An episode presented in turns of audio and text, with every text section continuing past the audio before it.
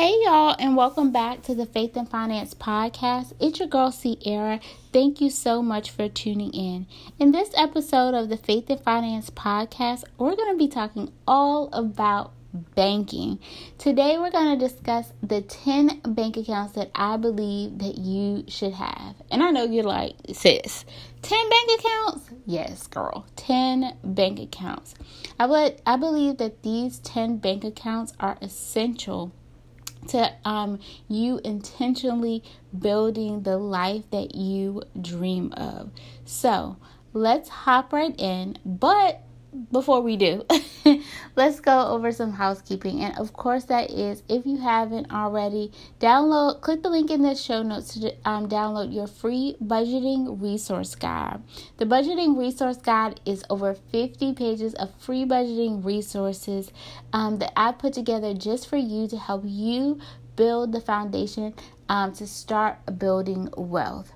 Also, if you've downloaded it already and you have yet to print it out, read it, and implement it, girl, what you waiting for? Do that ASAP and start so that you can get prepared so that you can hit the ground running in 2020 um, and start living the life that you dream of and not stay stuck in a financial cycle that seems like it's never ending. Okay? All right. So let's jump right in. So, the first bank account that I believe that you should have is an emergency fund. I believe that everyone should have at least $1,000 saved for emergencies. If you do not have $1,000 saved, the first thing you need to do before you begin paying off any debt, before um, you start saving for a house, before you do any of those things, is to create an emergency fund, open up a savings account and start to contribute one um start to contribute funds to it each and every pay period until you reach at least a thousand dollars. I recommend you have your employer automatically um, transfer the money or deposit the money into the account. That way, it's like it's out of sight, out of mind, and you never miss it. And it leaves, it takes it out of your hands and it leaves it in the hands of someone else to do. And if you're not constantly going there to do it and to see the amount growing, it's it's like you almost forget about it, and that's a good thing because we want it just to save. We want interest. You just we want you to save. We want interest to continue to grow on that money for as long as we can so that we're only pulling from that fund in an emergency. As many of you probably have heard, a lot of financial advisors and coaches are are all about this possible next recession. And you're probably like, well, Sierra, what do you think? Well, honestly, I do believe that we're on the verge of another recession. Now, whether that's going to be next year or the year after or the year after that, I don't know. But I do believe that we're on the verge of another recession. Now, in that regard, I recommend that on top of saving for your um, saving at least a thousand dollars, if you already have a thousand dollars, I recommend having at least three to six months of savings saved for an emergency fund. Um, having three to six months saved in an emergency fund. So, what do I mean by that? So, that is having three to six months of your essentials. So, your essentials being your household bills, so your mortgage or your rent, your, your, your utility bills, your transportation, um your so that means your transportation meaning your car payment if you have one your gas to put in your car things like that. So all of your necessity all of your uh, your necessities your fixed um, expenses the things that don't change the things that you have to have to live you want to have at least three to six months of those expenses saved up in an, an a separate emergency fund. I typically like to have the thousand dollars for just like random, like unexpected emergencies, but then I believe that you should have another emergency fund uh, for that consists of for just expenses. Um, but you can, or you can just group them all. This is still under um, the first saving account, uh, bank account that you should have. So you can group them really in all in one account. So say um, I don't know, say six months of emergency fund. This is obviously an example. Um, six months of expenses is six thousand dollars for you, plus your one thousand dollars in emergency fund. That's seven thousand dollars that you should have in a savings account. Okay. Um, so next, the next account that you should have is a vacation fund. Um, so most of you guys, I know you want a vacation. You want to go out of the country and travel all over the United States. And I believe that if God is giving you a desire to do those things, you should ab- absolutely be able to do them. And since you can, there are so many blogs and flight mishaps and Spirit Airlines, um, and all the things that allow you to travel and tra- to do so on a budget. Um, so, first off, what you want to do is to obviously open up an account that allows you to contribute um, on a, a, weekly basis or a bi weekly basis or even on a monthly basis to that fund so that you can begin saving for future vacations. Before you begin saving, though, you want to decide where exactly do you want to go within the next year? How much will it cost? How often do you, would you like to travel? And one of my goals is to travel at least once a quarter. And by travel, I don't mean like, oh, I live, most of you guys know I live in Virginia. So traveling to me is not going to um, North Carolina. It's travel, but that's not the travel I want to do once a quarter. The travel I want to do once a quarter is like some places on my bucket list are Boston and Nashville, and I've never been to the West Coast or um, out of the country. Like I want to go back to Jamaica. I like to go back to Europe. Um, eventually, I want to go to Africa. That's definitely not a 2020 goal, but I want to go to Africa. So um, figure out where you want to go, how often would you, would like to travel, and set a budget for a year. Set an overall budget. Like, okay, I want to spend five thousand dollars, you know, this year on travel.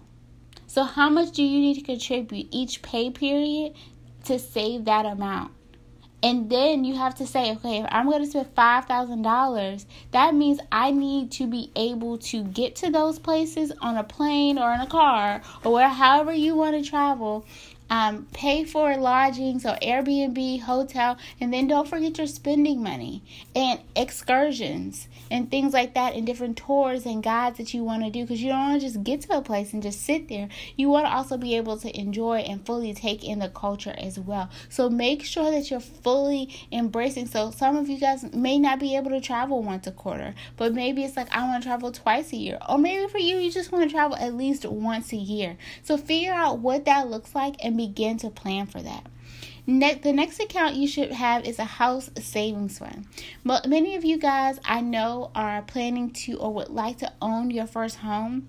And to own your first home, since you need a down payment. So, what I would recommend is to determine how much you plan to put down based on the cost of the home that you can afford.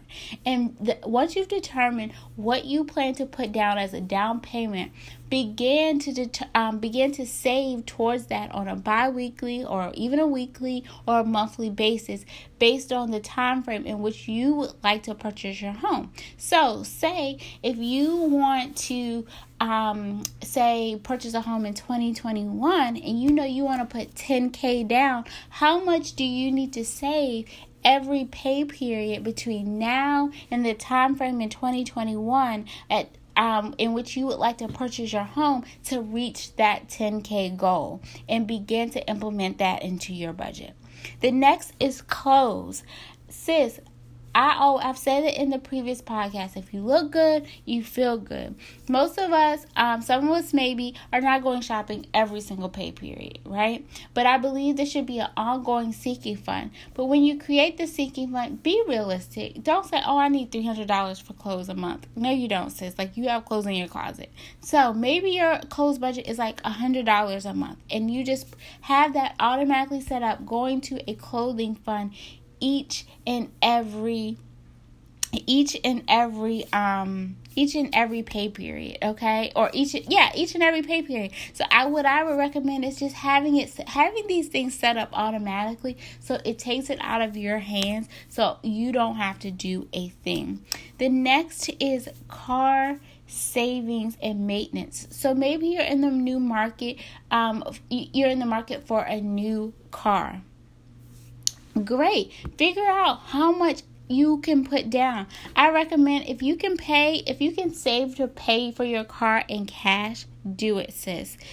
do what you need to do to contribute um, whatever you need to to purchase your first your next car in cash but if not you're like that's not realistic for me that's okay but figure out how much you can put down that will significantly lower your monthly payment and also the time frame in which your loan in which you have a loan. So, if you know in the next 2 years you're going to have to purchase a new vehicle, start saving now. And then on the flip side of that, I call this like your car savings slash maintenance fund because also this can also be a maintenance fund if you have an older car and like it's getting older and I know in the next 3 years I'm going to have to purchase a new car. So, this could be your fund for if something goes wrong. Like for me, I just had to get tires and brakes on my car. And I hadn't created a maintenance fund, and I'm realizing my car just turned 10 this um in August. So I'm like, okay, Sierra, you need to start a car maintenance slash savings fund because in the next three years or so, you're gonna probably I want a new car now, but in the next three years, I'm gonna need a new car, and then things are gonna start to happen on my car. Not because it's like I'm not being negative at all, but the fact of the matter is my car is 10 years old. I bought it brand new and things are to wear and tear. And so they're to have to be replaced. So I just want to be proactive about planning for that. Okay, the next thing birthdays. Plan for your friends' birthdays. A lot of times I've heard people say, Hey, um, this is number six, by the way. Number the sixth bank account is birthdays. So I've heard people say, I can't go out because I don't have money. Well, plan for it. Budget, you know, $30 a month or $50 a month to for your friend for birthdays for your friends and family. And you're like, well, Sierra, I can't go out to eat on and buy a gift for fifty dollars. Why can't you? Why can't you? You don't have to buy the a fifty dollar gift. You don't have to do that. You can find any like if your girlfriend is a female, I'm sure she probably loves wine, sis. Buy your sis a ten dollar bottle of Stella Rosa or whatever her favorite wine is, or she that or whatever something that she really enjoys. If she loves pajama sets, you can find a pajama set for ten dollars. If you know what I mean, you if she loves doing her nails at home, buy her new um set of um nail polish. You know, just be really creative in your gifts and you can find inexpensive gifts. And then if you go out if it's a true friend they just are happy that you're there. So you don't have to um order an entree. You can just go and say okay i'm going to maybe i'll have a drink and then you're gonna have an appetizer and that's it or, you know, maybe you don't go out to the birthday gala, but you say, sis, based on my budget, I'm not going to take you out, but how about we go out and have a drink? Or how about I take you for coffee instead? Be creative um, when it's time for birthdays specifically if you guys um, if you're a person that has a big circle of friends. And also make sure this is totally off topic but make sure you're categorizing your friends right because you have your inner sort um your your inner court and your outer court. And everybody you don't have to buy gifts for everybody in your outer court okay? It should be just that small circle that you should be purchasing gifts for. Um, number seven is a Christmas fund. Don't let Christmas sneak up on you.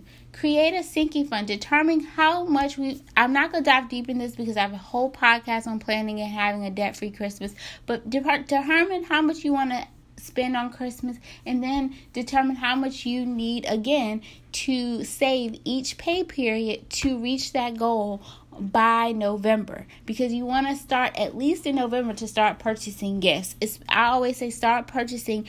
You want to have all of your money saved before Black Friday because you can get a ton of shopping done for cheap on Black Friday. Number eight is your primary bank account. This bank account is your bank account that your check that your your your um your direct deposit from your employer comes into. Um, this is the account that you're gonna pay all your bills out of on a month to month basis. Um, so this is um pretty much by the time you're sinking funds, um, debit the account.